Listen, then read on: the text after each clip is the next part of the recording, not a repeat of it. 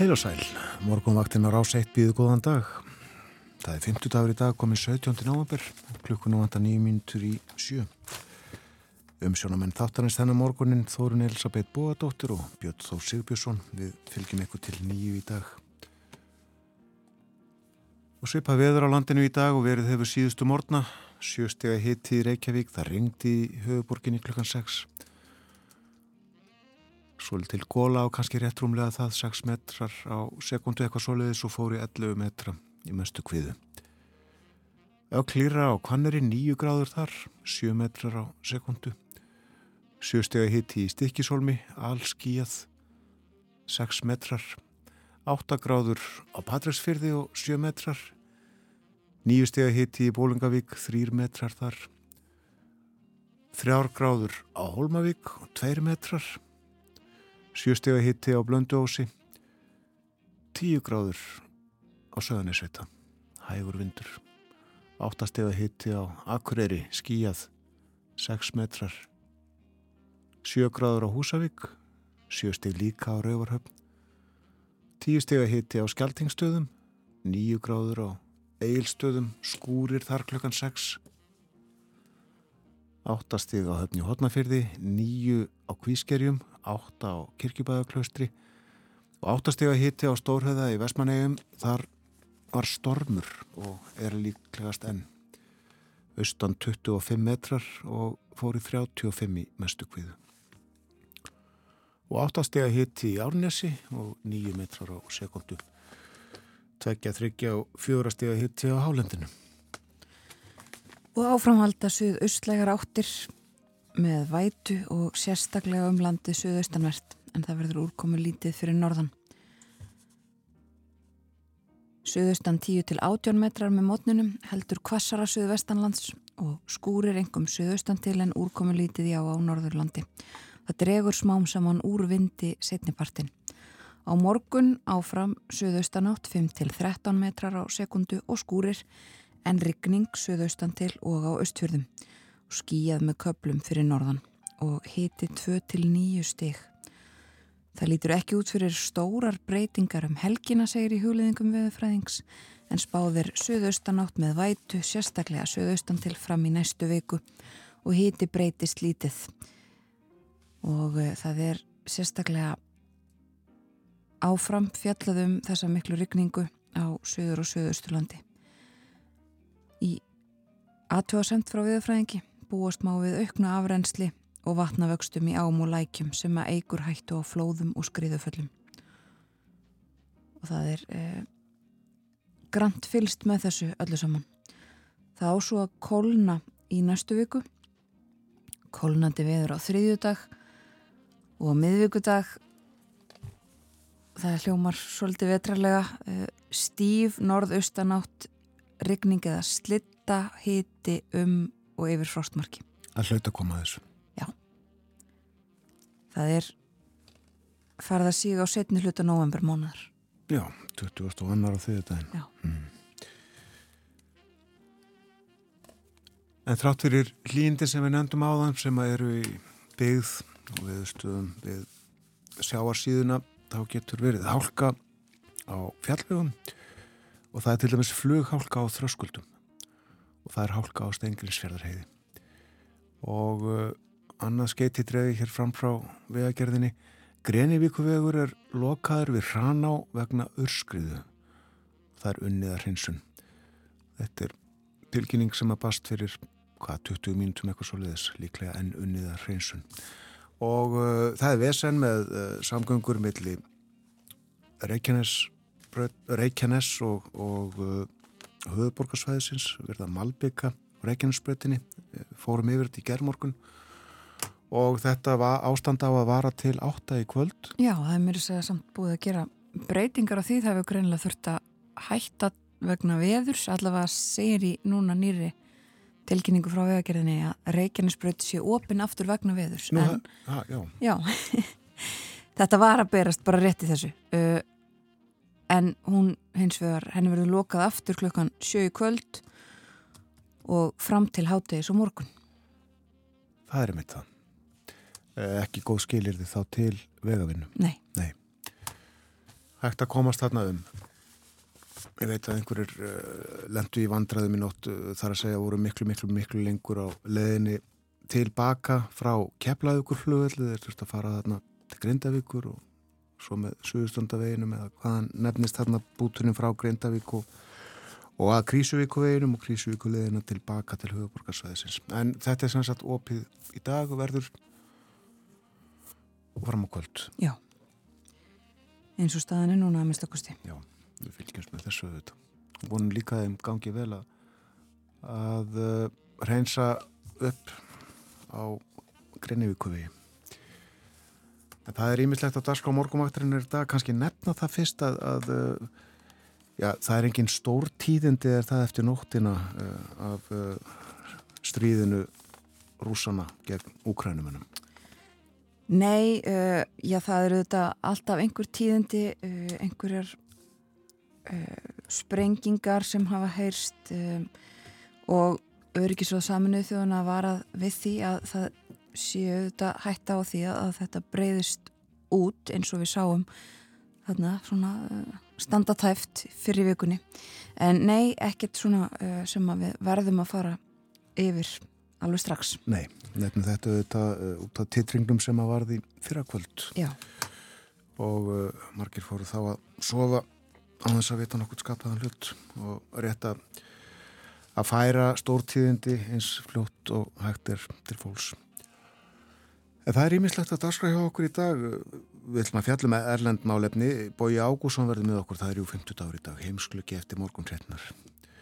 Og uh, svo er heimsmestramóti í fótbolta að hefjast í hennu umdeldaríki Katar og uh, við ætlum að tala eins og um það er, uh, var rétt af uh, knaspirnu yfirvöldum í heiminum að, að fela Katarmönnum að sjá um þetta mót veltum því fyrir okkur og uh, svo ætlum við í bað uh, ekki í baðkar við ætlum í bað í vög í urriðavatni meira en það eftir en fréttinnar koma eftir smástund.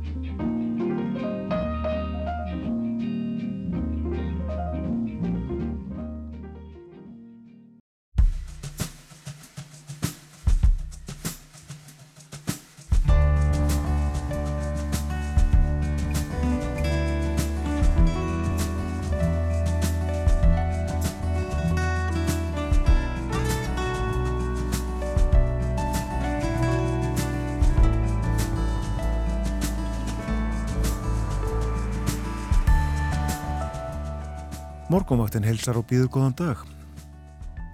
Uppurinn 50 dagurinn 17. november. Hvaða síðferðiskröfur getum við gert til íþrótta? Er hægt að halda pólitík utan við þær og er það yfirleitt æskilegt?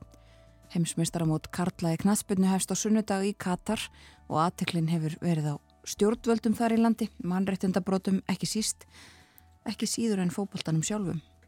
Viðar Haldursson, professor í félagsfræði, kemur til okkar klukkan halv åtta og ræðir við okkur um pólitík og siðferði þegar það kemur að íþróttum.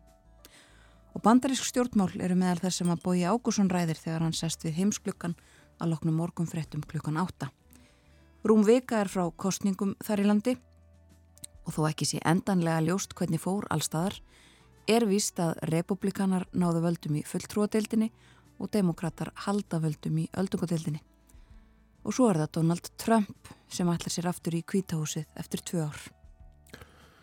Böð af ymsu tægi, njóta minnsalda ferðamanna, enda gott fyrir sál og líkama að kvílast í heitu vatni, tala nú ekki um í fallegu umhverfi, vög böðin í urriðavatni á héradi, hlutu á dögunum nýsköpunarverlun samtaka ferðarþjónustunar.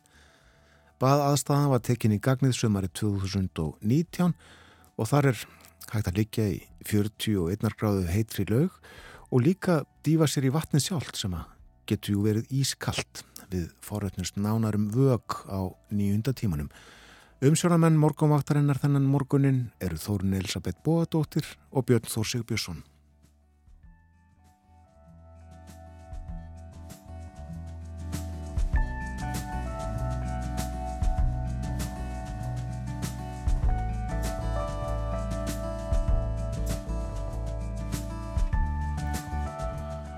En þá hlýtt á landinu hitti viða 7-8 gráður eitthvað svoleiðis um staðar. 10 steg að hitti, 10 steg að hitti fyrir klukkustund bæði við söðunisvita og á skjaltingstöðum. En annar staðar já 7-8 gráður eitthvað svoleiðis. Renda bara þryggja steg að hitti á Hólmavík. Og það var fjallega um þennan hitta þessi hlýjindi, þennan hlýjinda kabla í fréttum sjóasins í gær og blóm eru aftur farin að vakna til lífsins. Já og grænkál held ég sem að er uh, að verða bara tilbúið til uppskeru uh, austur og hér að þið Ótrúlegt.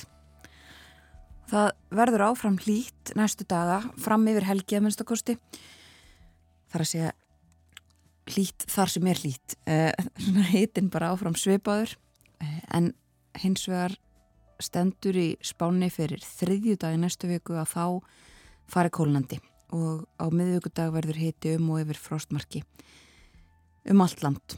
En áfram næstu daga halda suðaustlegar áttir með vætu sérstaklega um landið suðaustanvert. Það verður úrkomu lítið fyrir norðan.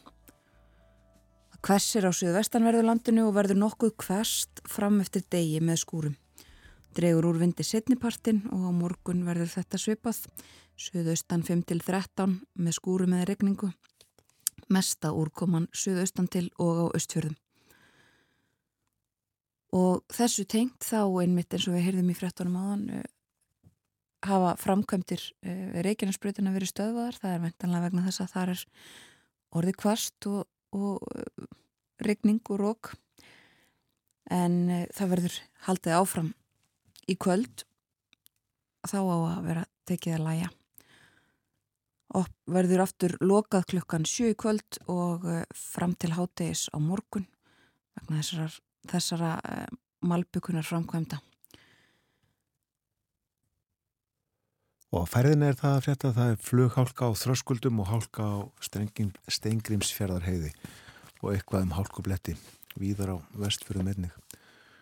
Og uh, Vesen fyrir norðan, Greinivíku vegu lokaður við Hraná vegna urskriðu sem að þar fjall. Unnið verður að hreinsun í byrtingu, segir hér núna, í skeiti frá vegagerðinni. Og þá lítum við í blöðin, þrjú blöð fyrir fram með þennan morgunin, bændablaði kemur út í dag. Og uh, hér á fórsíði morgunblaðsins er sagt frá því að ávísun Karl Hormórsins testosteróns til kvenna hefur margfaldast á skömmum tíma. Og um er reyða gél sem að er borið á húð. Það er ættir við Sigrúnu Hjartardóttur hún er kvennsjútumalæknir hjá kvennhilsu hilsugeslu höfuborgarsveðsins og hún segir fram að september á síðast ári þá voru afgreitar um það byrj jafn margar livja ávísanir á testosteróni til kvenna í hverju mánuði og verið hafi mörg ár á undan. Ekki er ljóst hvort þar konur hafi allar verið með vandamál sem að tengdist breytingaskeiðinu. Og áfram heldur hún svo gerist eitthvað fyrir um ári, frá því í september á síðast ári og fram í lok februar á þessu ári, þá um það byrj tvöfaldadist fjöldi lifi ávísana á testosteróni til hvenna og eftir það sést gífurlega aukning. Ef maður ber saman fjölda livja ávísana á testosteroni til hvenna í nýlinum september og oktober við september fyrir ári, þá er fjölgunin rúmlega átjónföld. Og hvernig stendur á þessu? Já, sér hún er nú ekki viss, en hún telur að orsökinn sé meðal annars umræða á samfélagsmiðlum um breytingaskeiðið. Og ítalega fjalla um þetta aðteglisverðamáli í morgunblæðinu í dag. Fossíðumyndin tekin í árbæjarsatni í gær þar sem að uh, krakkar komu og uh, hlustuðu á hundin Luppa en sá hjálpar börnum að læra íslensku mál hljóðin og ebla orðaforðan. Dagur íslenskunar jú ekki aður, dagur íslenskrar tungu og uh, segir hér áfram börn sem að heimsóttu árbæðisatnið hjálpuðu hundinum að leita að málbeinum og lærðu ímis áhugaverð þjóðleg orð yfir muni á safninu. Nú, uh, fréttablaðið mynd þess var tekin í gær þegar uh, framfór keppni með nefnda í efstu bekkjum átta grunnskóla í Reykjavík og í hverju, hverju var keft? Jú, gerð eftir þetta. Og þetta er keppni sem var samstagsverkefni nokkura grunnskóla, klúps matreðslumestara og yðunar freðslusettus og krakkarnir hafa undirbúið sig í allt höst nefndur hafa unnið undir leðsókn kennara. En einnig fengið heimsókn í skólan frá matreðslumesturum og það má sjá þrjú hérna á myndinni gera og græja eins og sagt er. Eh, þetta er afskaplega gyrnilegt ég sér endar ekki nákvæmlega hvaða er en gyrnilegt er það. Og eh, gaman að því að krakkarnir skuli reyna með sér í gerð eftir þetta. En svo er það æðstu eh, stjórnendur stærstu útgerðafyrirtækja á Íslandi. Þeir eru mjög óánæðir með starfsumhverf sitt. Og þetta sýnir ný rannsók sem að Kristján Vigfússon kennari við Háskólinni Reykjavíkur unnið. Og niðurstöðunar var byrst í tímariti sem að heitir Marine Policy Hávar og neikvæð pólitísk umræða um sjáarútök og þar með óvisaðum framtík reynarinnar hefur mikil og vond áhrif að maður til útgerðamanna. Einn ástafa kvóta samþjöppunar er óvisa sem að skapast í kringum kostningar og það er rætt hér við Dava Hjálmarsson, hann er útgerðastjóri KG fiskverkunar og á sæti stjórn samtaka fyrirtækja í sjárótvi hann segist tengja vel við niðurstuður rannsóknarinnar. Maður upplifir sig bara sem vondakallin það er bara þannig er haft eftir daga og hann segir að ekki síst vegna umræðu alþingismanna sé hallað á útgerðamennað ósekju. Frettablaðið í dag. Og uh, þá er það bændablaðið sem að uh, segir Stöðug fækkun söðfjár hefur verið á undanförnum árum á Íslandi. Sangat nýjum sláturtölum þá fækkaði sláturlömpum um tæplega 20.000 frá síðast ári til ásins í ár og það hefur verið samfelt fækkun frá 2017. Hins vegar var sláturun á fullornum ám mjög sambarileg við síðast ár og uh, það bendir til þess að áframhaldandi fækkun verði og það er ættið Trausta Hjalmarsson sem er formaður deildar söðfjórbænda innan bændasandaka Íslands og hann segir ljósta breðasturi við þessari stöðugu fækkun fjár svo það endi ekki með frambóð skorti á íslensku markaði. Ef ekki takist að leiðrétta verð til bænda en frekarinn orðið er, þá verði fækkunin áfram mikil. Eina leiðin til að stöða þessa þróun sem er búin að vera viðvarandi síðustu ár er að tryggja bændum afkomu, segir Trausti.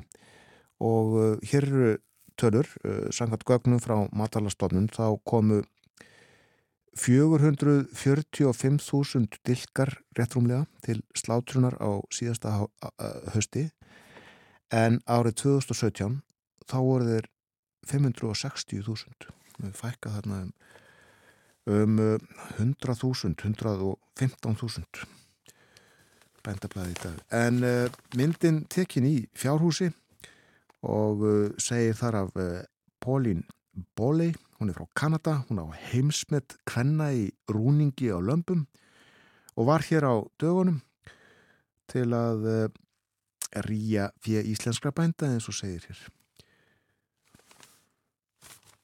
Og hér í blálokina fórsíðu bændablaðsins danst fjárfestingafélagi vinnur að undirbúningi tekja stóra orkuverkefna á Östurlandi, annars vegar er um að ræða raf eldsneitisvesmiðu á reyðafyrði þar sem ætlun er að framleiða ammoniak með umhverjusvænum hætti og hins vegar vindmilugarð í fljótstall segjum þetta gott á íslensku blöðum með bili. En við höfum að halda okkur aðeins við íslenskuna áður við förum í erlendu blöðin. Í dag eins og uh, hlustendur þekkja, í gær afsakið var uh, dagur íslenskla tungu. Og uh, eins og við myndumst á í gær þá eru verðlun veitt eh, verðlun Jónasar Hallgrímssonar á þessum degi Þeim einstaklingi sem hefur með sérstökum hætti unnið íslenskri tungu gagn í ræðu eða riti með skáldskap, fræðistörfum eða kennslu og stuðlaðað eblingu hennar framgangi eða miðlun til nýrar kynnslóðar. Og í gær eh, var það Bræi Valdimar Skúlason sem að hlaut þessi verlun. Hann hefur áður fengið uh, sérstöku viðurkenninguna sem að líka er veitt í hópi með félögum sínum í bakkalúti svo við myndumst á í gær. En uh, við ætlum að hlusta á lag eftir Braga Valdimar. Tekstin er það líka. Og uh, það er Sigurður Guðmundsson sem syngur, þetta er Sigurður Guðmundsson og Memphis Mafian og lægið heitir Orðin mín.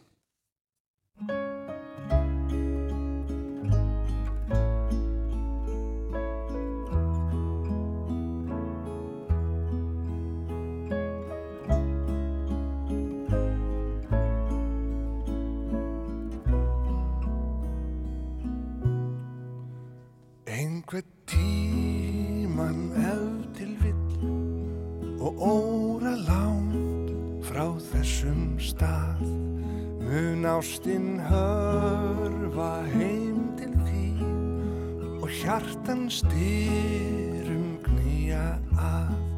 Og innmitt þá og innmitt þar mun ástinn krefja þig um svar. Og þá er rétt að rifja upp orðin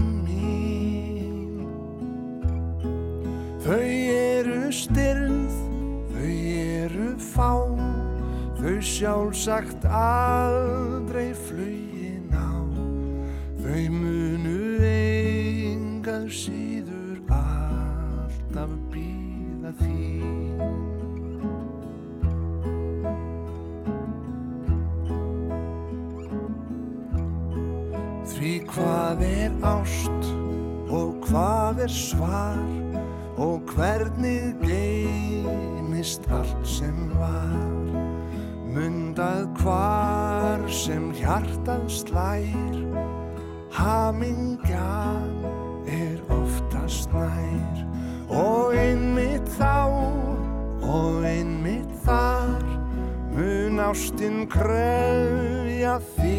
svar og þá er rétt að rifja upp orðin mín.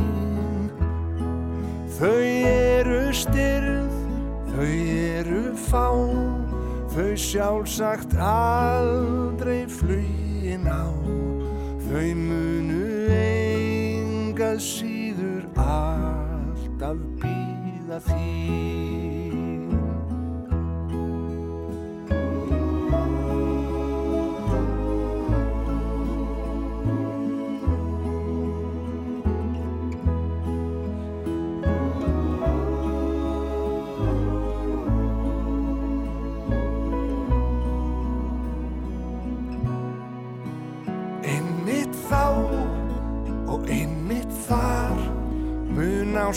край.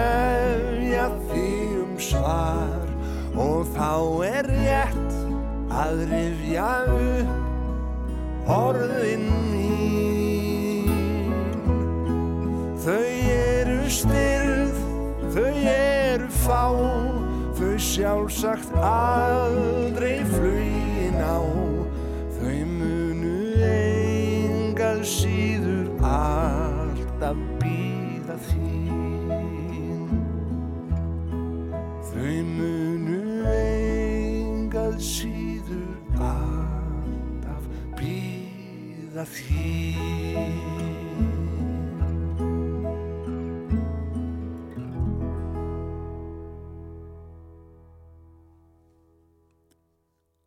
Orðin mín. Sigur Guðmundsson og Memphis Mafían fluttu. Bæði lag og texti eru eftir Braga Valdimar Skúlason sem í gær fekk verlun Jónasar Hallgrímssonar á degi Íslenskrar tungu.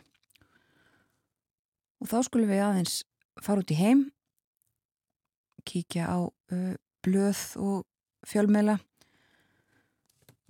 Það er ansi merkileg mynd á forsjöðum uh, sem ég hef séð að minnstakosti bæði í, í Danmörku og e, Breitlandi.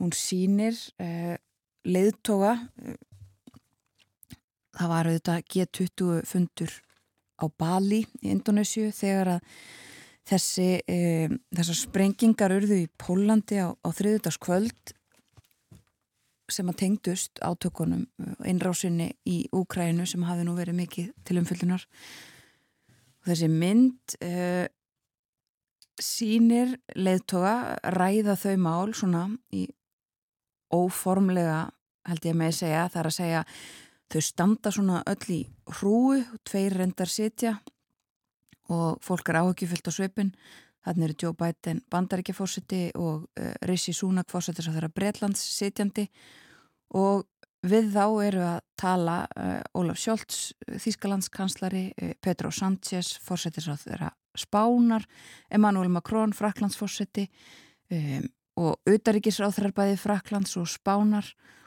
og Justin Trudeau þeirra Kanada og Utaríkisráþrar bandaríkjana Antoni Blinken og rættu þessi mál sem sagt svona uh, en eins og fram hefur komið þá er er það nú svo að uh, það verðast allir sammálum það að þetta hafi verið slís, þetta hafi verið óvart og það hafi verið uh, já, engin árás í þessu máli. En stjórnvöld í Úkrænu hafa nota tækifærið og krafist þess eða, eða byðlað til Vesturlanda, fólksins þarna á myndinni um uh, betri loftvarnakerfi. Vegna þess að uh, það er ju loftvarnakerfið sem fer á stað og stoppar þessa þessar rúsnesku eldflögar sem er skotið og um, í ofta tuga eða hundra að tala á dag viða í Úkrænu en uh, sannsagt verið að óska eftir því núna. Aðrar frettir á forsjöðum preskublaðana langa meg að nefna vegna þess að í dag þá, þá verður kynnt, verða kynnt fjárlög eða svona áform stjórnvalda, nýra stjórnvalda í Breitlandi um eh, hvernig ég að loka 60 miljardar punta gati í, í bókaldinu þar. Og eh, það eru alls konar breytingar frá því sem að fyrri fórsættisráþara og fjármálráþara hafðu áformað þá að ráðast í mikinn niður skurð á næstu árum og eitthvað kringum 30 miljardar punta helmingurinn af þessu verður uh, þannig að það verður skorinn niður. Og svo á að hækka skatta. Og Jeremy Hunt fjármálaráþara segir á við einhverja, einhverja fjölmila eða að minnst okkar styr það því haldi fram að hann muni tilkynna um, skattahækkanir og það sé þannig að ríkasta fólkið verði að bera þingstu byrðina og það er að gera allt sem hægt er að, til þess að verja uh, varnarlust fólk, fátækt fólk, fólk sem á í mestu erfileikunum Og þetta er allt önnu lína heldur en Liz Truss kom fram með? Þetta er allt öruvísi, já og uh, þá sagt, að gera tilfarslur á því hvenar fólk hækkar í um, um skattþrepp þannig að þetta verða millistjættar og, og, og efri stjættar fólk sem að fer að borga meira. Uh, en þau sem að lækst hafa launin uh, verði varin og vernduð eins og hægt er. Og svo verður áframhaldið með skatta á uh, orkufyrirtæki sem að líka hefur verið töluvert umdelt og uh, erfitt mál, orkufátækt er uh, stort vandamál í Breitlandi og orkuverð hefur uh, hækkað verulega og það verið gaggrind að, að á sama tíma síu sem orkufyrirtækina skila bara milljandi hagnaði. En þetta sérstaklega verður uh, kynnt í dag og uh, meðal þess sem er uh, öðruvísi heldur en Liz Truss hafiði og, og hvað sér hvarteng hafðu áformað er að það verður ekki sett jafn, uh, samt stert þak á, á hækkanir á orkuverði. Þannig að orkuverðið hækkar meira en uh, annar staðar verður reynda að uh, verja viðkvæmustu hópana. segir og þá líka að verja uh, helbreyðstjónustuna segir í þessum frettum. Meira af erlendum málum á eftir við, þegar að Bói Ágússon sest við heimsklukkan eftir morgunfrettinar klukkan 8 og líka raunar núna eftir smá stund uh, þegar við höldum svona hálfpartinn til Katar ætlum að tala um heimsmyndstaramótið í fókbólta sem hefst þar á sunnudaginn.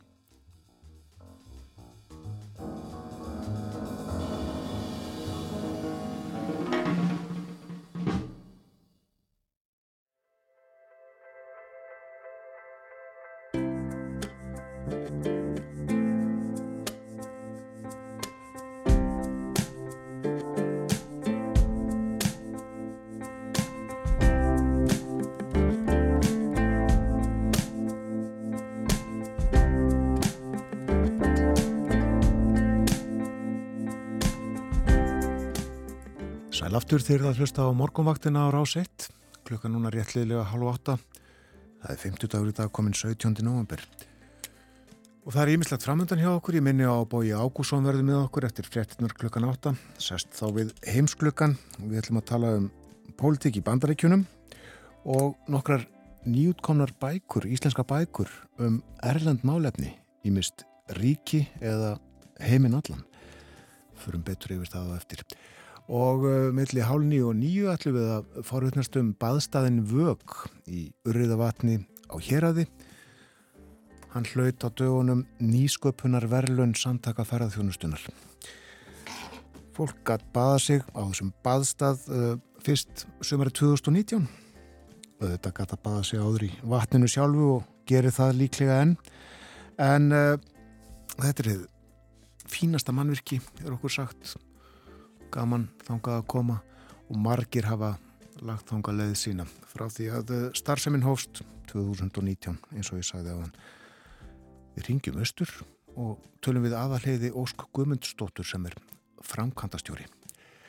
En að veðurhórun dagsins rétt að fara yfir þær það verður svolítið kvast í dag, kannski 18 metrar á sekundu eitthvað svoleiðis með morninum þar að segja og heldur kvassara suðvestanlands.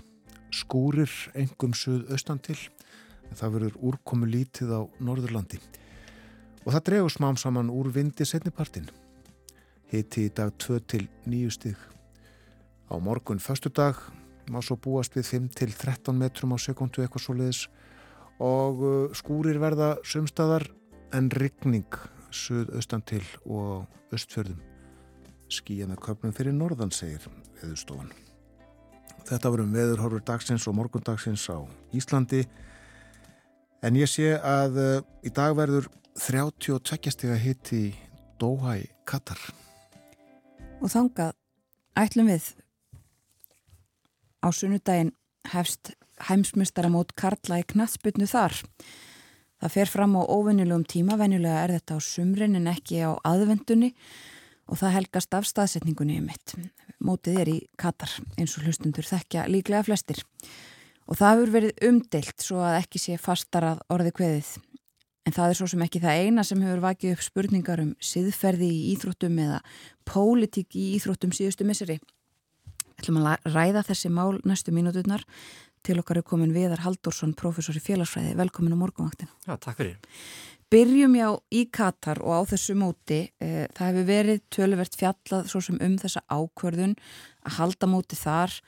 Um, spurningamerki sett við síðferðið, bæði kannski við það hvernig ákverðunin var tekin, mútur og fleira slíkt í, í umræðunni en líka svo bara síðferðið við að halda mótið í landi sem að virðir ekki mannrettindi í misa hópa. Um, en það verður kannski að, um, taka þetta í sitt hverju lægi og byrja á uh, kannski að ræða þessum aðdragandan og þessa ákverðun sem var tekin. Það verður þetta tilkynnt á sama tíma um heimsmeistaramóti í Rúslandi og svo í Katar. Já, þetta er áhugavert mál, það eru margar luta sakir. Það var tekin ákvörðun á fundi 2010 hjá FIFA að þá voru ákveð hverjir fengið að halda heimsmyndarkeppna 2018 og 2022. Þetta var í fyrsta skipti sem að voru haldið ákveð að taka tvær keppnir fyrir á sama tíma. Og, og, og báðar ákvarðanir voru umdildar sem sé, rússar hlutu hnossið 2018 og Katar 2022 og, og það var margir svona bent á það að þetta hefði verið, þessar ákvarðanir verið teknar á einhverjum annarlegum forsendum mútu mál hafa uh, skokið FIFA uh, og komið upp á yfirborðið eftir þetta og, hérna, og ekki bara tengslu við þetta heldur tengslu við margt annað líka. Það sem að FIFA verist hafa verið sem sé, sem sé ekki mjög heiðarlegt og margir þar sem að hafi, hafi hugsað fyrst og fremst um eigin, eigin, eigin hag, frekar en hag fókbaltans Og það vildi þannig til, það kom til mér maður hérna fyrir tveimur árum uh, sem að ellendur uh, gestur kom til mér nýri í háskóla og hann hafði starfað hjá FIFA í 12 árum og hann var sem sé hluti af, af hóp sem að fór yfir umsóknir þjóðum að fá að halda hinsmyndarkennina. Og það eru margar þjóðir sem að keppast um það, það er mikið í húfi og allt það. Og, og hann var, var í nefnd og, og sem að fór yfir umsóknir til að halda þessar tvær keppni 2018 og 2022.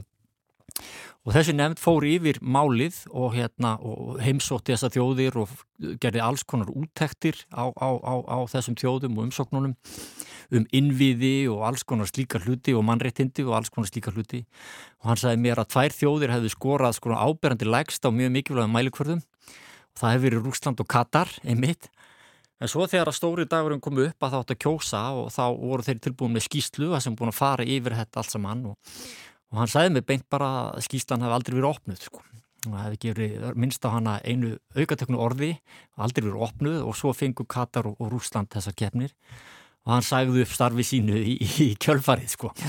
en það sýnir kannski að ákvarðandi voru teknar á einhverjum öðrum fórsendum en, en fókbaltarlegum og, og tengjast kannski einhverjum alþjóða stjórnmálum og, og spillingu einhverju slíku það sem að það, sem að það var veitt þessu tjóðun sem skoruðu kannski ekki best á þessu mælikvörðin sem FIFA setti þó fyrirfram sko. Já, já Einmitt og sko það er oft svona sagt að e, já, það er ekki að blanda saman íþróttum og pólitík þetta eigi bara að vera aðskilið mm. og, og hérna en eins og þú nefnir að þetta tengist inn í stjórnmálinn og, og mm. einmitt síðast í gæðir sá ég mynd af Putin á úslita leiknum uh, í, fyrir fjórum árum síðan uh, það var hann sem var hérna, með myndir og byggarinn og, og þetta er augljóslega notað í pólitískum tilgangi mótin sjálf mm. en svo er það sannsagt eins og þú segir það er líka þannig að pólitíkin er út um allt í þessum ákvarðunum Já, við sjáum það sérstaklega núna, þetta endurspeglar það sérstaklega núna hvernig íþróttir hafi verið notaðar og nýttar í pólitískum tilgangi.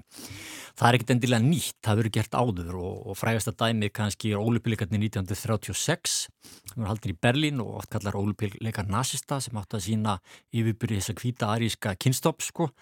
Uh, þannig að íþróttir hafi verið nýttar sem slíkar og, og þetta hefur fengið svona, uh, annars að tala um svona mjúkt vald, svona soft power þar sem að þjóðir með kannski svona eru að sækja sér einhvers konar velvild og, og, og eitthvað slíkt og, og góðrar ímyndar í gegnum eitthvað svona mjúka þætti frekar en stríði eða eitthvað slíkt sko, hartvald og síðustu árum hefur þetta fengið íþróttunum, fengið nafnið svona íþróttaþvottur, ja, sportswashing. Já það sem að íþróttirnar svona þvó eh, syndir einhverja þjóða með vafasama, vafasama fortíð eða vafasama sögu eða hvað þetta nú er og, og gefa þeim svona betri og, og gefa þeim eitthvað svona réttmæti eða lögmæti í allþjóða samfélaginu það sem að þjóðir er að sækja sér betri ímyndar, það er að sækja sér viðskipta, það er að sækja sér túrisma, það er að sækja sér eh, svona virðingar og, og, og, og þess að þær geti gert alls konar hluti byggt velli, haldið stormót og allt þetta.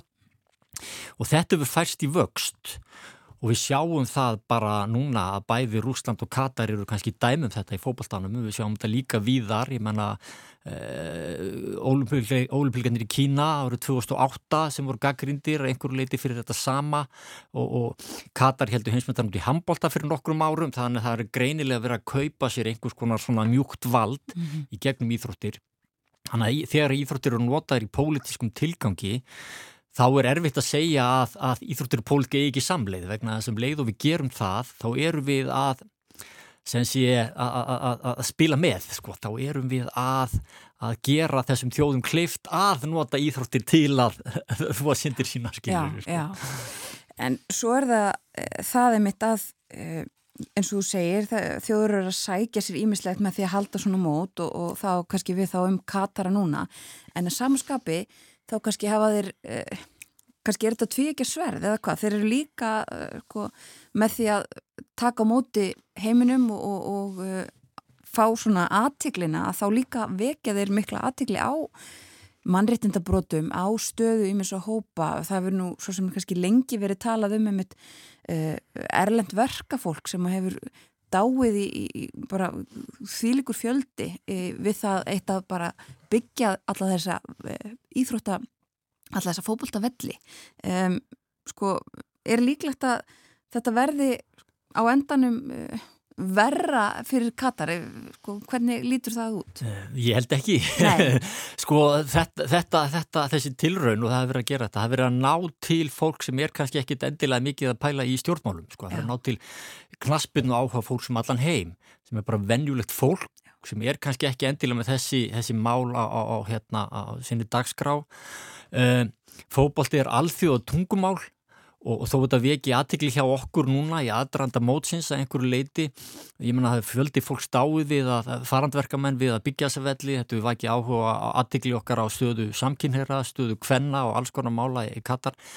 En svo þegar fókbóltinn byrjar að rúla þá er það fókbóltinn sem tekur yfir og það eru fréttinnar og það er umræðin hvað Messi gerði og allt þetta og, og hérna þannig að ég held að þetta svona býst við því að, að sko, þessar rattir, þessar gaggrínisrattir þær þagni svona þegar svolítið þegar móti, móti byrju og, og, og, og hverfi í umfyllunum fókbaltan og við sjáum það bara nú þegar að hérna að eh, sem sé fósiti eh, FIFA, hann sendi frá sér bref til allra aldarþjóða nú fyrir skömmu það sem hann kvatti og til að já nú er bara, nú fyrir við einbjöðt okkur á fókbóltanum sko, hann hann var strax byrjað að reyna að kæfa þessa rattir um, að, um, um þessa hluti, þessa gaggrinni þannig að sko, en auðvitað vekur þetta aðtikli á þessu fyrir okkur og fólki sem er að velta þessu fyrir sér og allt það.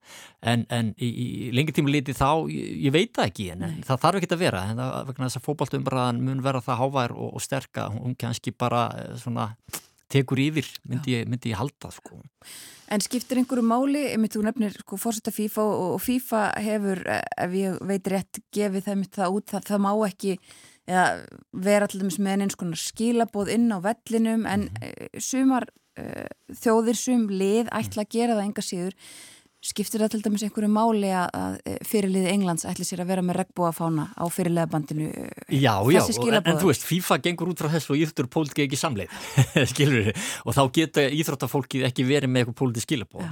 En maður heyri það að margir uh, fyrirliðar alltaf verið með regnbúabandu eða eitthvað slíkt og auðvitað er þetta skiptir máli. Það er tákgrænt, það er mjög tákgrænt, það er tákgrænt hérna, mótmæli, það er tákgræn uh, rödd um að, um, að, um að virða rétt fólks og mannréttindu og allt það og auðvitað skiptir máli en FIFA gengur út á í þetta politíki ekki samleið og þess að gangaði gegn því og vilja ekki að það sé í gangi sko.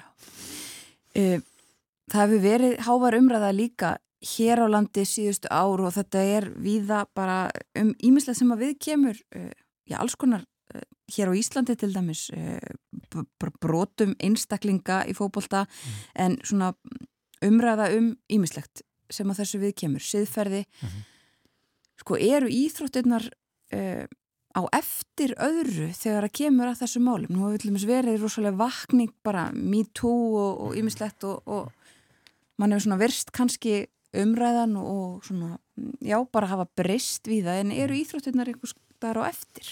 Ég held að það sé ekki eftir en þetta voru orðið ábjörði íþróttum vegna þess að við setjum meiri kröfur og herri staðla á íþróttir en margt annað. Sko, íþróttir eiga að vera góðar og heilbriðar og uppbyggilegar og allt það og af þeim sögum þá bregðus við sérstaklega við því sem að uh, er, er, er ekki gott í íþróttunum og við sjáum bara þetta mál, bara við tölum, höldum okkur hérna að byrja í Katar og þetta og, og, og, og mútumál í íþróttum og allt það ég meina þetta tengist bara alþjóða viðskiptum og alþjóða stjórnmálum það sem á yfirumnum kafa í þau þá var ekkert alltaf fallið sínið þar á bakvið sko. mm.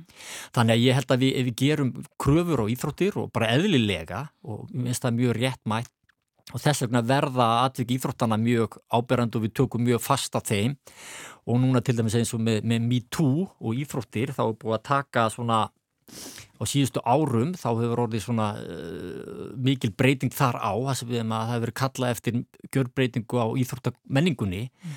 sem að svona held ég að sé í þessu stað sérstaklega í Íslandi, kannski ekki þenn del allstaðar og, og, og það er mjög mikilvægt sko, en hérna en, og við höldum uppi þeirri gaggrinni röttu sko. Já e Þetta eru auðvitað ekki bara í fókbóltanum þó að við séum svona með kannski áhersluna þar, það var bara fyrir skömmu um, voru var telkinn um stóra golfdild sem að sáti Arabar standa á bakvið uh, Íslenska landslið, kallalandsliði fókbólta spilaði líka leiku sáti Arabíu uh, fyrir skömmu og þar var einmitt uh, sagt sko fyrirfram, jú við ætlum að taka samtalið og við ætlum að tala við sáti Arabana um þeirra mannreitnindabrót og stöðu hvenna og ég veit ekki hvað og hvað mm. þar um Er slíkt eh, líklegt til árangus? Til dæmis það bara, ef við færum það líka, heimfærum það líka á Katar.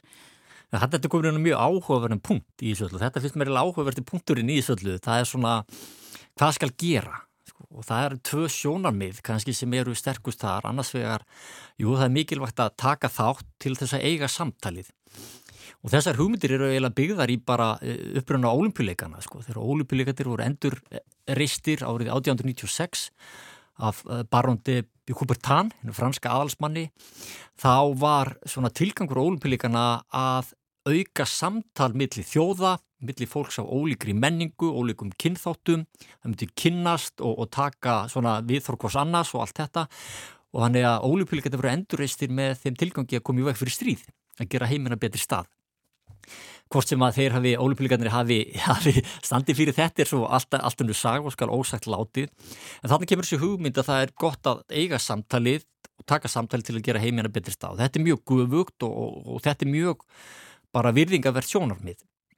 Eh, hitt sjónarmið þetta að það beri að hunsa og, og útiloka þjóðir sem að ekki standa sig á, á, á, á þessu mælikvörðun sem við töljum mikilvæga eins og við gerum til þess í tengslu við rúsa og stríðið í Ukrænu sko. þá er bara ákveðin hunsun og útilokun í gangi sem eru svona tákgræn skilaboð, þögnin og að taka ekki þátt eru mjög sterk skilaboð hvora leiðina skal velja það er svo stóra spurningin í þessu. Í tengslu við Katar, það er kannski ekki eftir að ætla til að eh, fókbaltamennir sem að hafa sitt lífsviðværi og þetta er búin draumur þeirra og búin að vinna þessu í, skiluru farið voru, voru krakkar að þeir uh, taki ekki þátt sko. En á sama tíma sko þá svona efast maður um að þetta samtal sé raunverulega tekið eins og ég sagði áðan, Fosti FIFA sendið þarna, nú skulum við tala um fókbólta, hann er eiginlega svona, segja, heyrru, við þurfum ekki eiga þetta samtal meira. Eh, KSI, Kransminn landslíði fótt til Sáti Arabi og ætlaði að taka samtalið. Var það samtal tekið? Heyrru? og ef að við ætlum að segja við þurfum að taka samtalið, þá þurfum við að sína að það samtal var tekið, annars annars öðlast þessi þessi leið, svona, hún missir trúveruleika mm -hmm og þá sko, þú veist, þá er þetta kannski bara nótu sem afsökuns eins og ég hef grunum að gerist hjá FIFA. Jú, við munum taka samtalið og bæta mannrettindi og, og, og, og frettir hefma að það er nú mjög lítið gerst í þeim málum, eitthvað aðeins en ekki mikið, að þá verður þetta ekki trúverðugt vegna að það er alltaf hægt að segja, jú, við ætlum að taka samtalið og slíkar ákvarðanir alltaf teknar á einhverjum forsendum, e, FIFA fær peninga eða KSI fær peninga og eitthvað slíkt þannig að þessi, það er alltaf einhver hagnaður á þessu en er svo samtalir umverulega tekið og skilar það einhverju og það er alltaf stóra spurningin en mér finnst skorta svolítið upp á trúveruleika þetta samtal sé tekið og hverju það skilar mm -hmm. þannig að sko þessar tvæ leiðir að taka samtalið eða beita útilókun það er svolítið stóra spurningin sem við þurfum svolítið að spyrja okkur á komandi missurum vegna þess að um leið og við Sýnumst alltaf að taka samtalið og samþykjum að Katar eigi að fá keppnina og, og rússar og, og spila við Sáti Arabíu þá er þessi íþróttaþvottur að ganga hjá þessum þjóðum. Ja. Skilur, við erum að taka þátt í honum sem gera það verkum að hann virkar og ef hann virkar þá mun þetta bara halda áfram. Skilur. Þannig að við erum á svona ákveðnum krosskutum sem við þurfum að taka umræðunum hvernig er best að takast á við svona að taka samtalið eða að beita ykkur um útilókunum og það er finnst mér stóra bara síðferðislega spurningin í þessu máli sem Já. þetta mál svona endurspeglar. Akkurat og það er eh, svona á alla kanta eða hvernig uh, svona ráðamenn í ríkjum eru að, að takast á þetta, er það ekki það? Ég minna það er auðvitað engin lið eins og þú segir kannski ekki að ætlast til þess heldur að liðin sleppi því að mæta en, mm. En það er svona, maður hefur séð fréttir svona hér og þar um að þessi eða hinn svona ráðamaður eða, eða prins eða eitthvað svoleiðis ætli ekki að mæta. Þetta er svona eða er einhver ákveðin lína í því hvort fólk er að hunsa eða já, þykist, já, það, segjast eða þykist alltaf að taka samtali Já, það er okkur þetta sko hvað, þetta, þetta, þetta hefst á ráðafólkinu sko, skilur, þeim sem stjórna og þegar ólplíkaður voru haldnir í, í, í, í Peking árið 2008 þá skrifa ég grein í morgunblæði sko, íþróttir og stjórnmál eitthvað sko. Og var ekki allast til að íslensku íþrótt, íslensk íþróttafólki myndi ekki mæta olimpíuleikana, þetta er búin að draumur þeirra allar tíð og það er ekki hægt að setja þetta íþróttafólki í þó stöðu.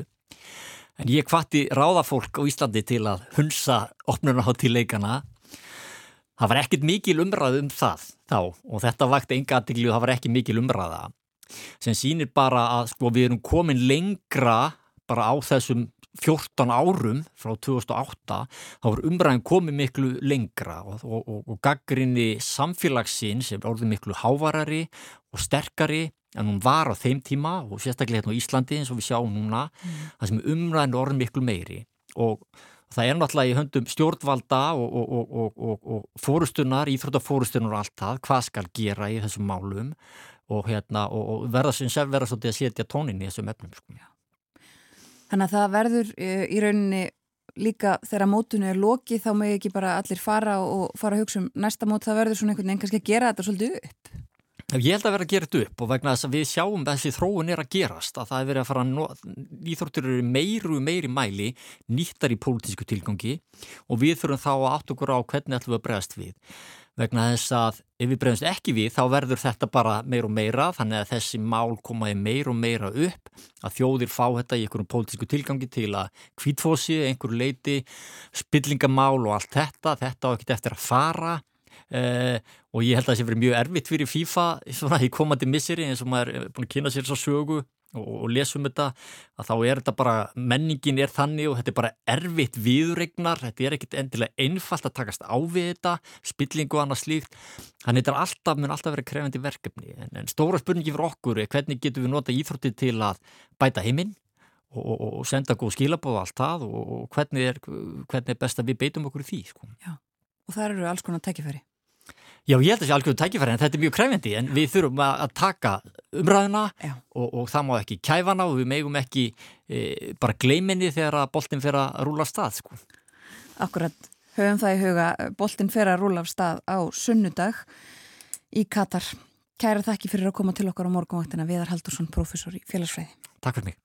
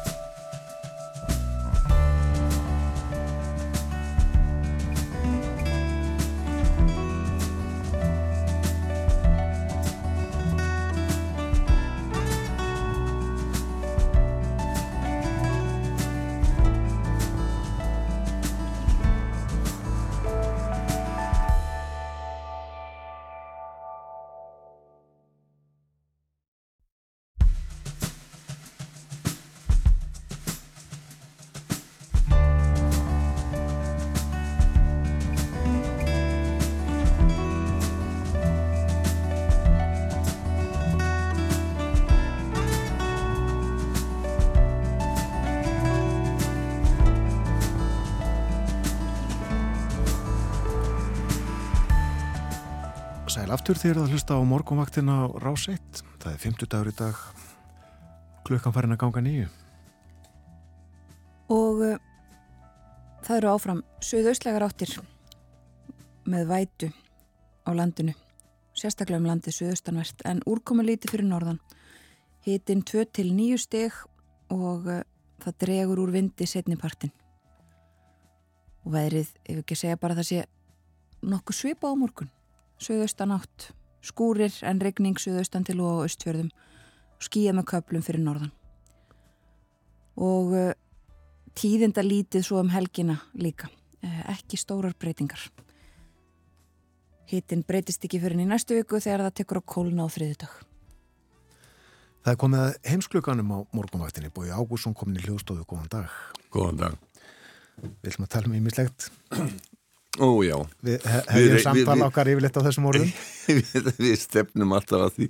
Og svo missi ég mig alltaf í eitthvað kæftæði sem að hérna og svona ofan eitthvað far sem maður kennst ekki upp úr. Við getum, við getum reynd einaferðin en Við eh, stefnum að því að tala aðeins um Bandaríkin og Brasilju en við ætlum að byrja á uh, bókatíðendum Það er óvinnilegt, það eru komna núna út á stuttum tíma uh, nokkrar íslenska bækur um ellendmáli Þetta er mikið fagnarefni og uh, já, það, eins og þú segir Björn, þetta er frekar óvinnilegt uh, en þó má svo sem benda á það að í fyrra, minni mig, þá kom út þessi bókettir, eða hitti fyrra, Val Gunnarsson, Bjarmalund, sem var eiginlega mjög tímabært vegna þess að síðan gerast þessi skelvilu atbyrðir þarna fyrir austan í þeim löndum sem að valur er að fjalla um, hann er að fjalla um sögu og, og, og þjóðir í Östur-Európu, Rúsland, Ukraínu, Eistasars þjóðirnar og, og annað og svo bók uh, sem sagt eigur skilning lesenda á því ég er svona bakurinn þeirra atbyrða sem eru mest á fórsýnum akkurat núna. Nú svo uh, svolítið að minnast á, á hérna, ég þegar hann nú tala við sumt að þessu fólki, Sigurði við Sjóns um, um vegabref Íslenskt eh, og uh, Þóri Guðmundsson fólk, bók hans í, í návi við fólki, fólki á jörðinni eh, Stefán Jón Hafstein eh, heimurinn eins og hann er og svo er nýjútkominn bók sem að ég vissi ekki að, bara finn ekki ær bastunni hendur hef ekki náða að lesa hana nema bara svona aðeins að, að líta eina sem heitir Rót og hún er eftir Línu Guðlugu Alladóttur og hún fjallar um Kína Já. og um, Lína er viðskiptafræðingur og var svo heldtekinn af virðist vera af, af, af Kína eftir ferðþangað upp, rétt upp úr aldamótum að, að hún settist á háskólabekk þar og nafn Östur Asíu fræði og er búin að skrifa þessa bók sem hún segir að sé svona mest ætla, ætluð uh, almenningi. En, en hún fjalla þarna um, um, um Kína og uh, nýlega sögu Kína þessa sem er gríðarlega merkileg. Við verðum að segja bara eins og er að þarna hefur tögum ef ekki hundruð miljóna fólks verið lift úr örbyrð á síðustu áratugum. Samfélagið er náttúrulega samt sem áður en þá einræðis uh, harðræðis kommunistaríki og uh, það hefur í raunni versnað í tíð síðan Sýnbing uh, sem að nú hefur verið kjörin fórseti í þriðja skipti uh, og uh, er þar með búin að sitja lengur að völdum heldur nokkur annar ráðamaður frá tímum más uh, og síðan eru margir á Vesturlandum sem að telja að hans sé sko að verða einangraðri þar sé hans sé búin að ráða og mikla jáfólki í kringum sig eh, og þess vegna sé hætta á að stefna það, sé bara að tekna rángar ákvarðanir. Þetta er alltaf mikil hætta í ríkjum sem að það sem ekki ríkir líðræði eða opinn umræða að aðstofamenn aðstumanna þeir segja þeim ekkert annað heldur en það sem að þeir halda að letóðinni vilji heyra og uh, þess vegna geta hlutinni farið á hinn versta veg. Og þetta er til dæmis partur af því sem er gerst í Rúslandi uh, án, á nefa og þetta er jafn gamalt sögu mannkynsins og við getum náttúrulega uh, svona það sem að stundum hefur verið haft í flindingum sko að, að það skulle skjóta þann sem að kemur með vondu skilabúðin þetta er verður til þess að, að það villengin kom með vondu skilabúð til uh, leittóhans mm. Og þar með fær hann ekki raunhæft mat eða raunhafar upplýsingar um hver staðan raunverulega er. Nú, Kína skiptir auðvitað óskaplega miklu máli. Þetta er fjölmennasta þjóð heimsins og annað mesta efnahagsveldi heimsins En nú er margir, og nú er ég ekki að vitna í það sem stendur í bóklínu, nú er ég bara að vitna í almenna umveðu, til dæmis Economist sem er núna benda á það að mér minnir að þessi í apríl á næsta ári að þá hætti kínverjar að vera fjölmennast af þjóð heimsins sem þeir hafa verið svo lengi sem að uh, nokkrar heimildir og upplýsingar eru tilum. Já. Uh, þá er það indverjar sem að fara fram úr þeim. Sko Kína er samt sem áður held ég sexunum meira efnahagsveldi heldur en Índland uh, en Economist bendi líka á að það sem að sko að Indverjar hafi forsendur til þess að taka svona stort og mikið stökk fram og við í efnahagsmálum og bendi ekki síst á aldurstrefingu þjóðarinnar í Kína eh, mun á næstu árum þá fælkar þjóðinni. Og það er vegna ráðstafana kínverskra yfirvalda fyrir nokkur áratugum þegar þeir sáu það að það yrði að hafa heimil á fjölgun þjóðarinnar og gerði það á margan hátt og þekktasta dæmið í því er náttúrulega það að fólki hjónum var bannað að eiga meira heldur neitt barn. Mm -hmm.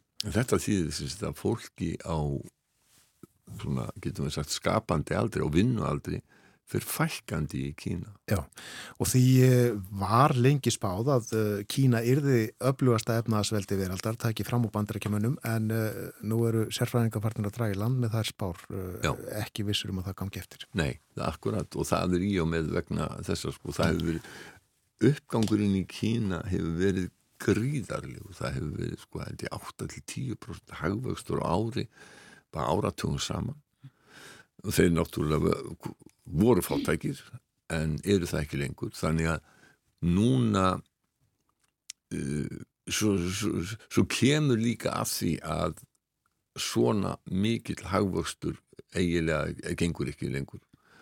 Uh, en eitt má þó segja um kynverjana og það er að þeir hafa auðvitað undverjana þeir hafa verið uh, stjórnvöldar hafa verið meðvitaðri um hættun af lokslasbreytingum og aðgerðir til þess að spórna við þeim sem að já, sko, indir að segja bara við meðum þetta því að þið eru búin að gera þetta í 200 ár og tala við Vesturlund ja. út af því sem ósum sem segja það sé alveg rétt að, að það er svona ákveðin, getum við sagt síðferðileg skilda á hinnum þróaða heimi, vestrænum ríkjum að vera í fararbrotti og þróa nýja tækni til þess að ráða við lofslagsvandan.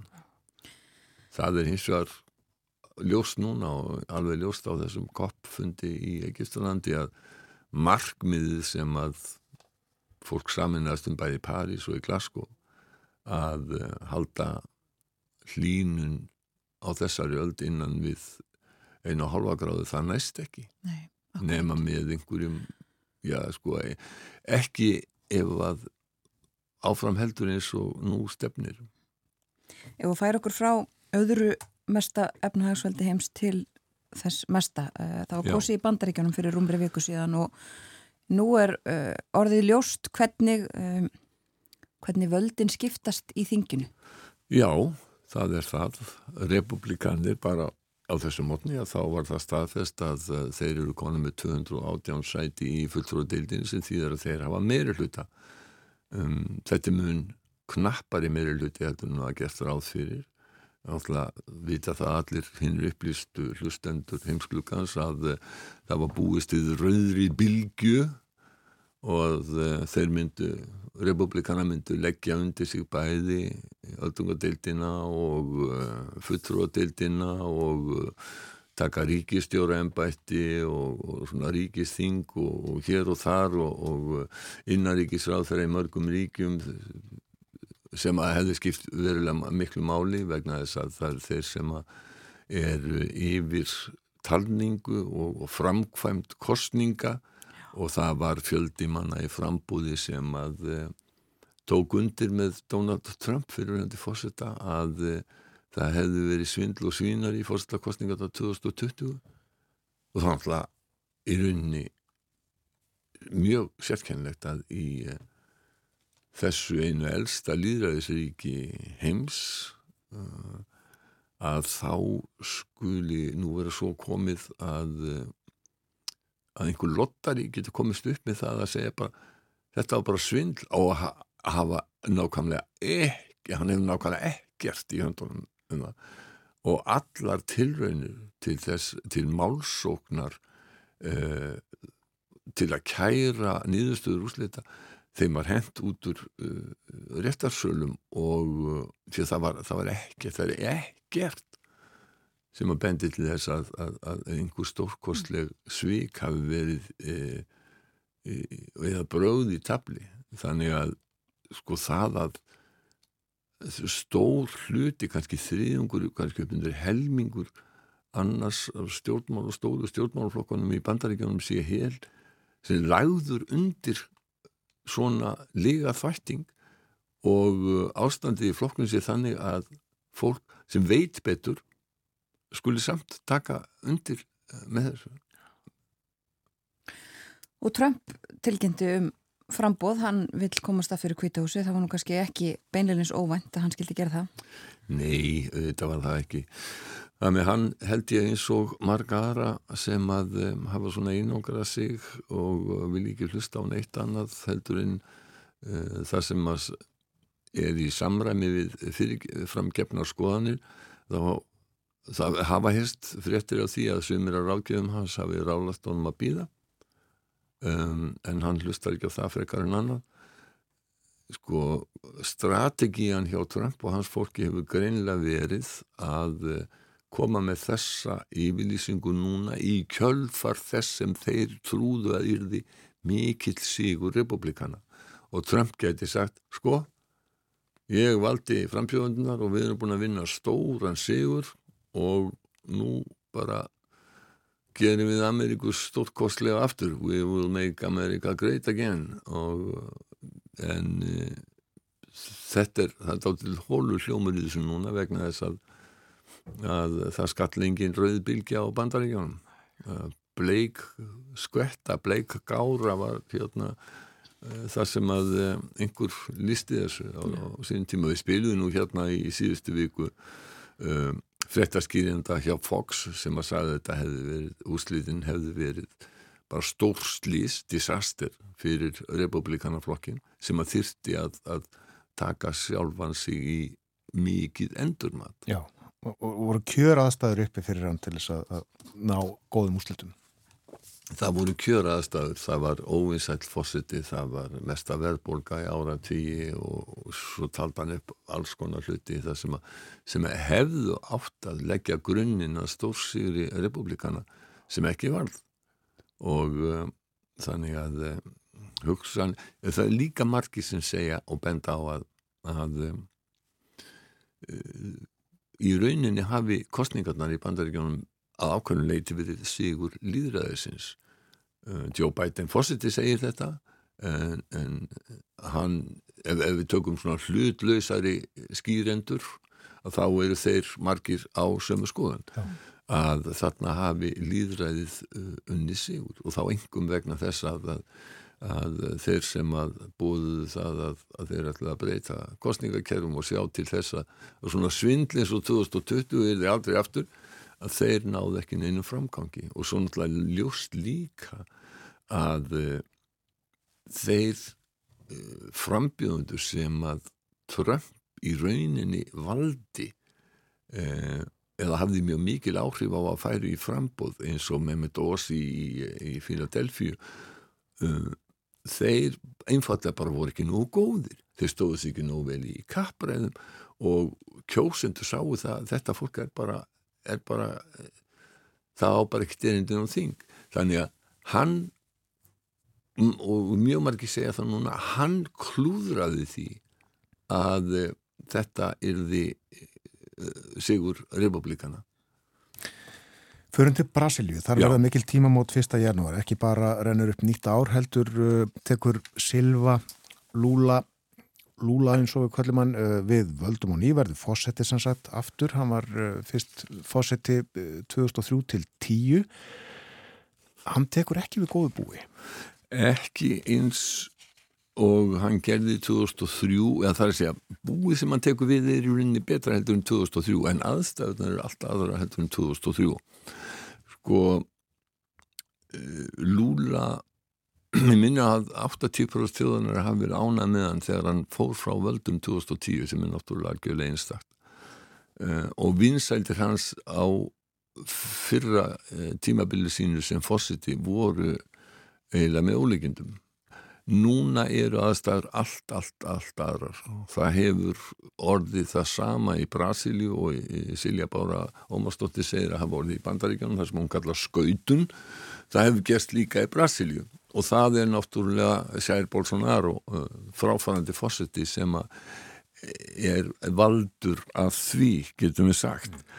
Um, sko brasilíska þjóðin hefur breyst mjög mikið, eða brasilísk þjóðfélag getur, hefur breyst mjög mikið frá 2003 það eru miklu minni möguleikar á svona hröðum hagvexti eins og voru þegar að, að Lúður tók við völdum 2003 að vísu er þjóðfélagi miklu ríkara samt en eins og allir vita þá er mikil mískipting í Brasilíu En það er þessi skautun sem hefur orðið sem á eftir að reynast lúla erfið, hún á, sko, hann, hann á eftir að lenda í miklu meiri vandræðum með að koma málum í gegnum þingið. Hann hefur að vísu sagt nú þegar og var, hún var tekið eins og hetju e, í Sjarmel Sik í Egiptanandi þegar hann kom á, á lofslagsrástefnu saminuði þjóðana því að hann sagði þá að hann ætlaði að stoppa árásina á Amazon sem að Bolsonaro í rauninni sko, hann gaf öllum þeim sem að vildu frítt spil til þess að höggva trí og, og, og, og ganga á regnskógin sem að eru lungu heimsins Einmitt. Og þess vegna var, var Lula svona fagna en þetta gæti orðið erfiðara að stöðva þessa þróun heldur en að virðist svona alveg í, í, í fljótu bræði og síðan sko hefur Lula verið með yfirlýsingar um það að hann vilji lifta lánaþaki ríkisins til þess að geta aukið uh, framlug til fátækra meðal annars og, og, og svona til ímissa uh, þjóðþrifa verka en það gæti reynst erfitt vegna þess að yfirlýsingar lúla um þetta það er urðið til þess að, að uh, markaðurinn í Brasilíu uh, og hlutabriðamarkaðurinn í Sá Póla hann fjallum 3,3% sem er uh, meira heldur en hefur við í mjög langa tíma Þannig að það gæti farið að markaðurinn sendi, setti lúla ákveðin takmörk alveg eins og gerðist í Breitlandi þar sem að markaðurinn í rauninni feldi list tröss.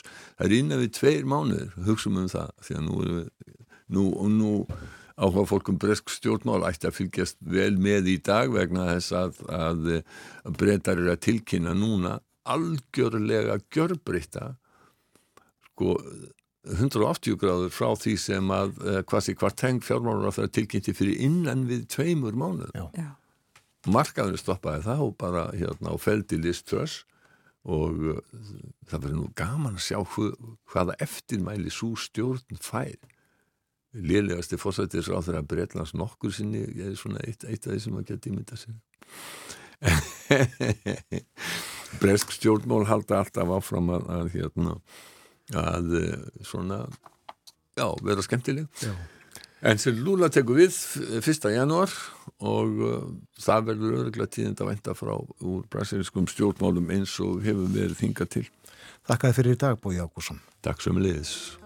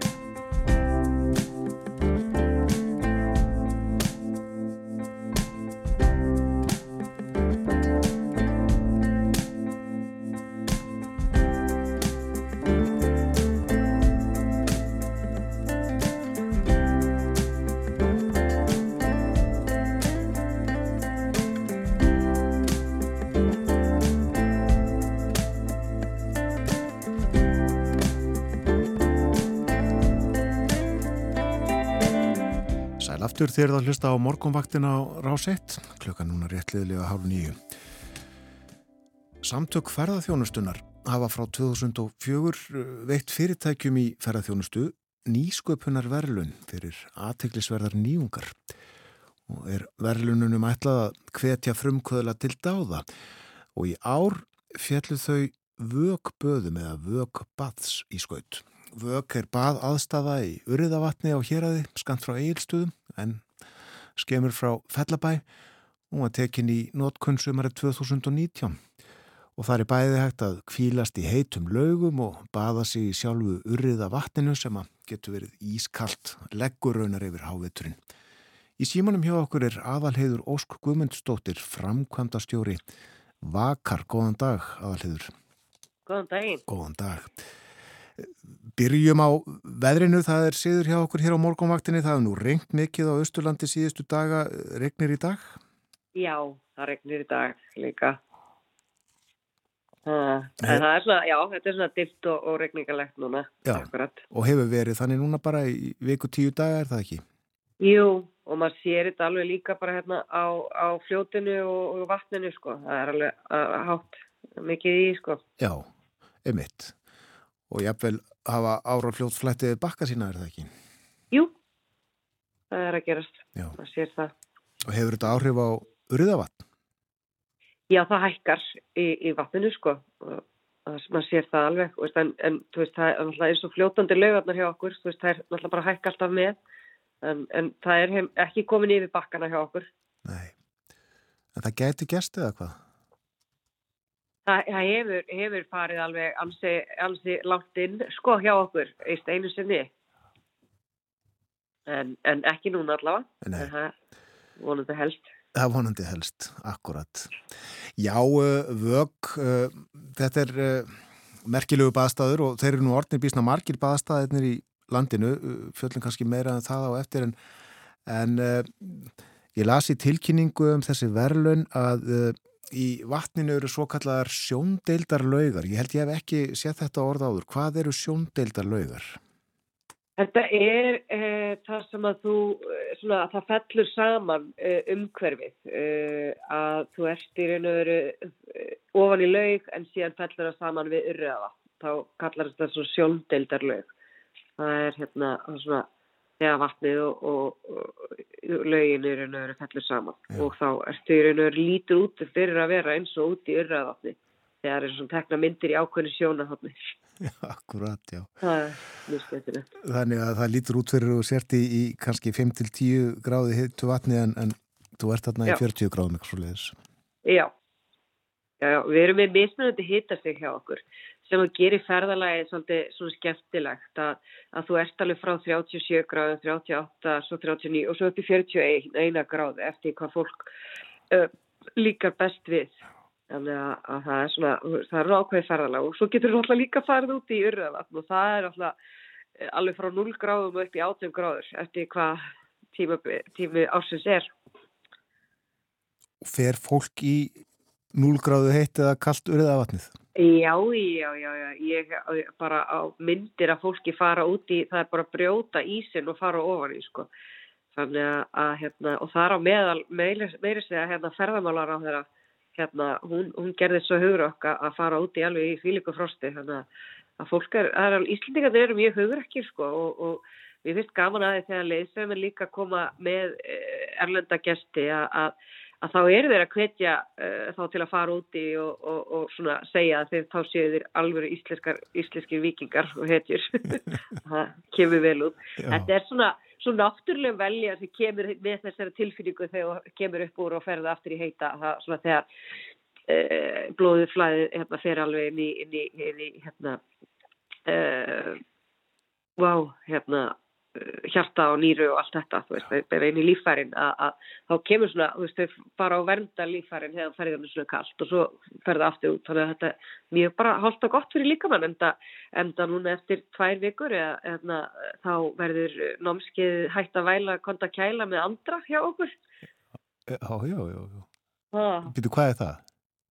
Hægt að væla konta kæla það er námskið sem að andri Æsland er búin að vera með núna og búin að svolítið svona uh, hvetja fólk til að vera í sjósundi og slíku líka. Þannig að þetta er búið að vera mjög vinstalt í, í Reykjavík og við ákvæmum að fá hann hýrka til okkar og vera með helgarnámskeið fyrir okkur. Þannig að þeir sem hafa áhuga að verða betri í því að fara ofan í röfa geta æft sér núna. Já, það þarf að æfa það eins og annað. Já. En þú ert samfærið með um að þetta ger okkur gott að vera í ísköldu vatni? Já, ég, ég, fólk allavega hefur verið að finna svo góð áhrif á þessu, þú veist, bara varandi bólgur og yfislegt og, og svona, hérna, bara, já, það, það hefur verið að hjálpa fólki, en að sjálfsögðu líka, ég meina að það, það fólk verður að taka til þess að það er með hjartavandamál og eitthvað slíkt að þá ekki að gera þetta, en, en, en hérna, þetta hefur verið að hjálpa fólki og ég tel að líka einhvern veginn að þetta er að auka blóðflæði, þannig að mér finnst þetta vera bara mjög gott sjálfri og, og, og það hefur verið svona verið að mæla með þessum hérna, þessi fyrir fólk sko. Ég, ég get dýft hann í, í ískalt vatn ef ég veit að ég kemst í heitt vatn mjög fljóðlega eftir. Já, það, þess vegna finnst fólki svo skemmtilegt að vera hjá okkur að, að það, það svona næra stökva og, og, og, og svo hlýja sér strax í, í 39 gráðum með 31. Já. Vög opnaði 2019, uh, Já. svo kom kórnuveru faraldurinn. Já, þetta búið svolítið, svolítið skrítið að hérna en, en e, þetta hefur gengið vonum framar og, og, og e, í raun og veru betur en, en áallir þorðið að vona veist, út frá hagnaði. Það var svona gengið út frá kannski að við myndum fá hagnað á þriði ári starfsari en, en, við fengum á öðru starfsari þannig að það var rosalega jákvægt að fá hagnað í fyrra. Þannig að, að hérna og komin í, í 25% ebutur alltaf gekk mjög vel, fengum mjög mikið af Íslandingum í fyrra sömur og, og uh, hérna, en núna til dæmis þá er, er hérna eh, hlutfallið á Íslandingum íslensku gestum 50%. Já, það er svo hátt. Já, já. Íslandingar er alveg elska að koma til okkar. Það er, að, að, það er bara, við erum svolítið einstök líka að vera svona fljótandi laugar úti í, þú veist, það er bara akkari sem halda þessu uppi og, og, og vera með tengingur og við urriða það og, það er bara mjög einstakt.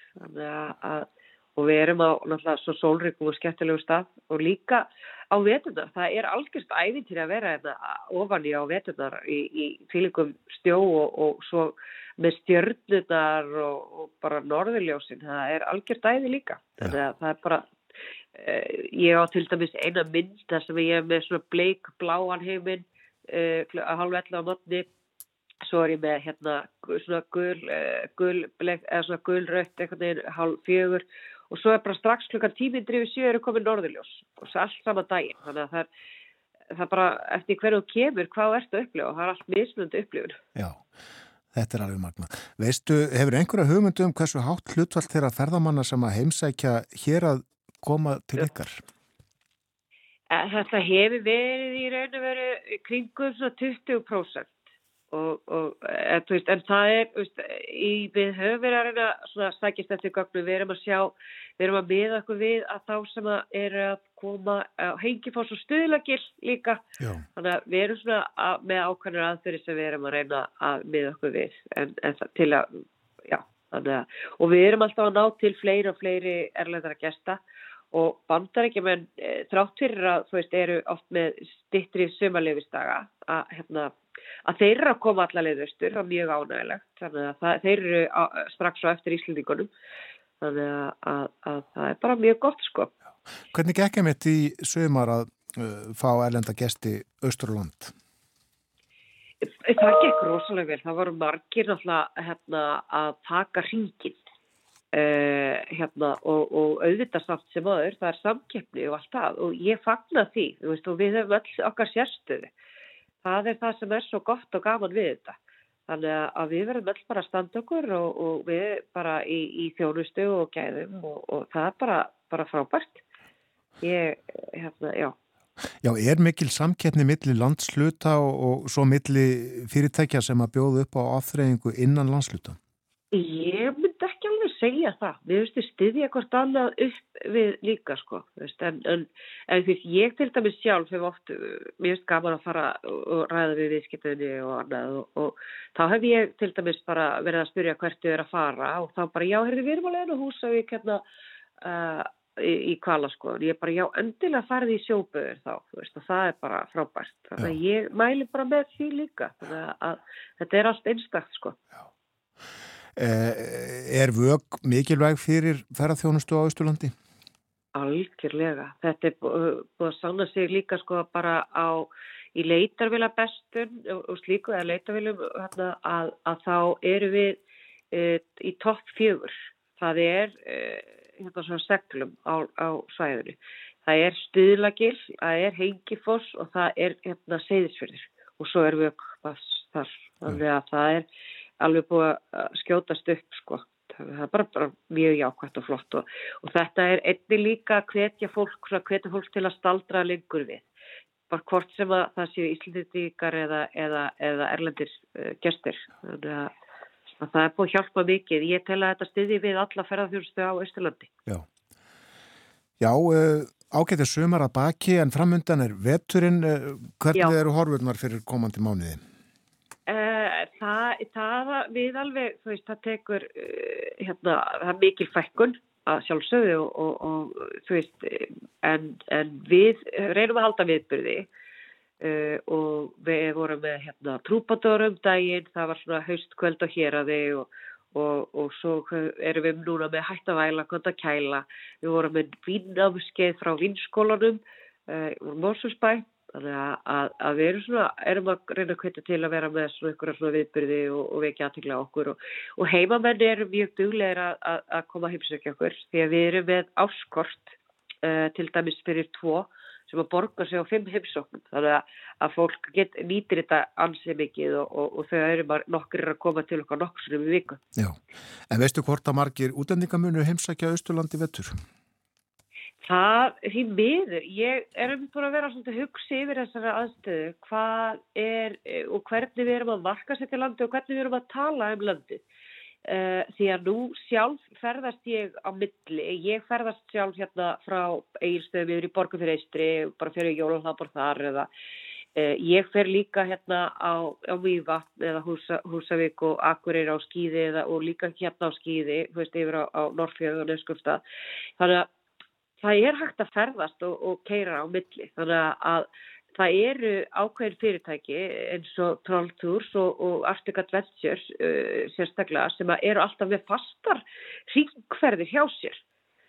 Og það er hægt að ferðast á vetunar á Íslandi. Og það er bara myndi ég segja svona vetraræfintýri að koma. Og, og, og Finnland er búin að ná að merka setja sig vel að vetri til. Þannig að ég myndi vilja fara fókusa meira á þetta. Það er hægt að, að keira á milli og, og, og heimsækja Ísland, allt Ísland að vetri til.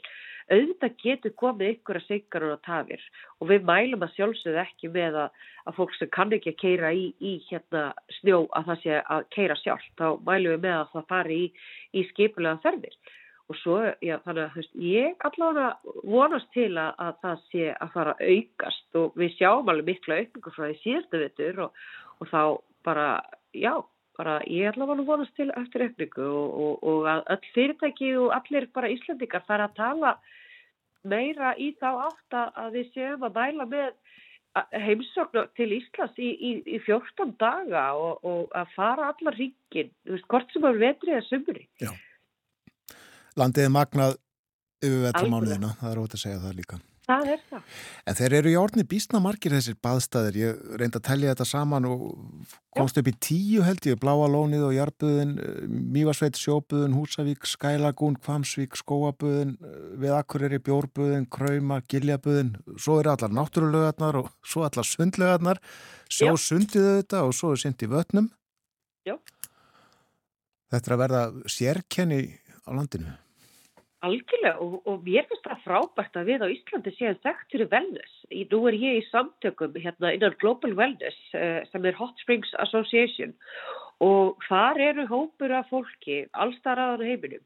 Og þeir horfa upp til okkar Íslandinga í wellness og í böðum og, og það mér finnst þetta bara frábært og við eigum að, að, að uh, reykja okkur af því. Við höfum við hjarþittan og við eigum að nýta okkur þetta. Uh, bara algjörlega mm -hmm.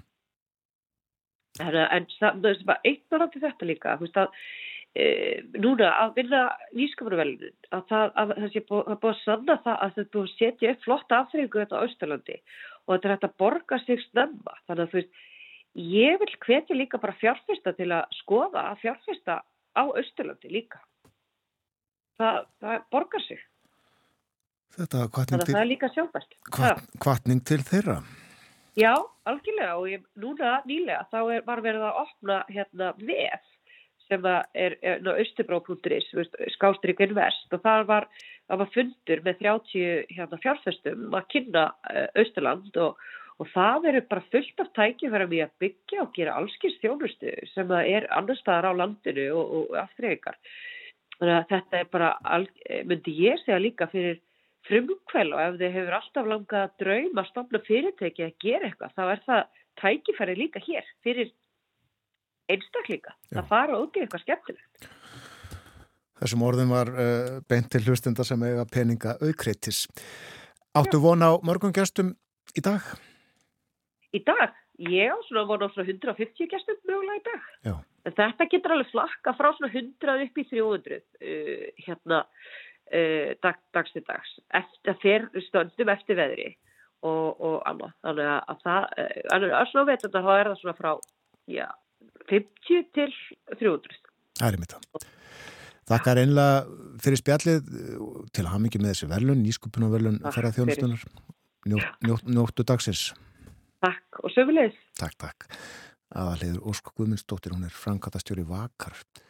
Það segir í kynningarefni á heimasíðunni Jarðþittinni Uriðavatni uppgötaðist á sínum tíma þegar ákveðinar vakir, svo kallar tusku vakir, heldu sér á vatninu sama hvernig fristi og vakirnar voru í þá dag að notaði til, til þvotta á vetrum þegar erfitt var að komast í vatn og Örðu þá kveikja þjóðsugum um tusku sem bjó í Uriðavatni og notaði vakirna til að komast upp á yfirborðið.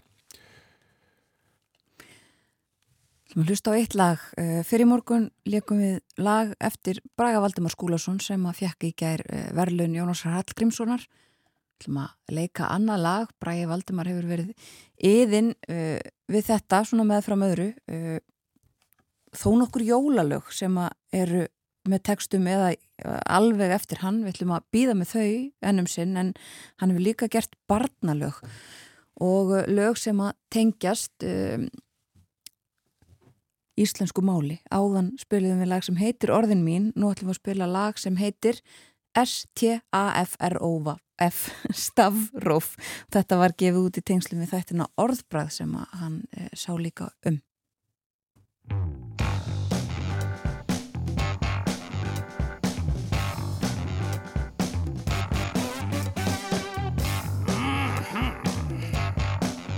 Komið þið sæl.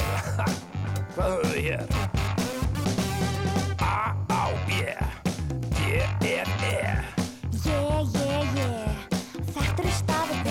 Yeah.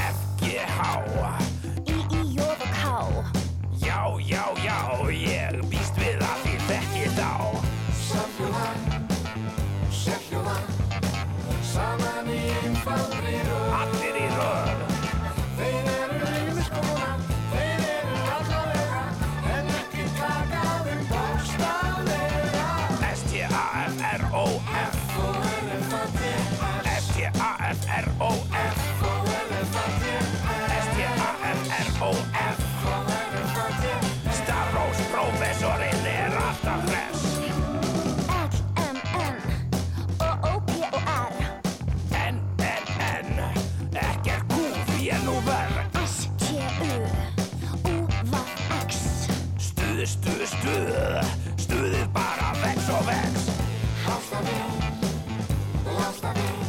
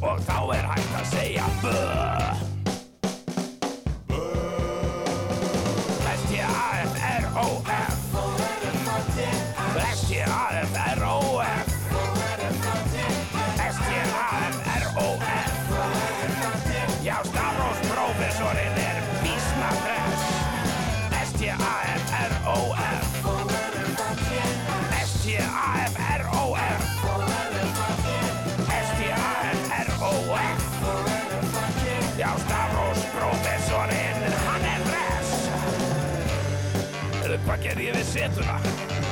Henni var kannski ekki bóðið Viltu vera menn?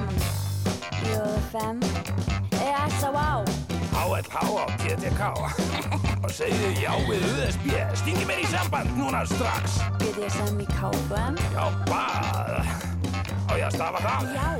B-A Freyðibað Oh my guð. Ó, hvílíkt stuð R-O Vaff Jóð F M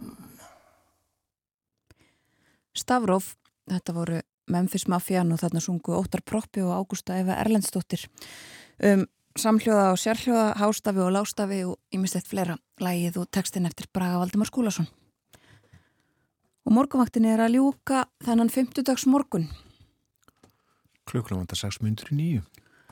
Við höfum rætt ímislegt í dag, töluðum um siðferði og pólitík í íþróttum við Viðar Haldorsson, professor í félagsfræði, snemma í morgun. Svo settist Bói Ágússon við heimsklukkan, rætti um Bandaríkin, um Brasilíu og um íslenskar bækur um erlend málefni sem eru, já, óvinnu margar. Og svo núna síðast töluðum við og frættumst um vög. Já, baðstæðin í Öryðavatni sem á dögunum hlaut verðlun, nýskupina verðlun, samtaka ferðarþjónustunar. Aðalheður Ósk Guðmundsdóttir sað okkur frá vög og böðunum góðu. Morgunvaktin er á sínum staði fyrramálið. Við bjóðum góðan dag þegar klukkanu vantar tímyndur í sjö alla virka mótna. Þökkum samfélgina í dag. Verði sæl.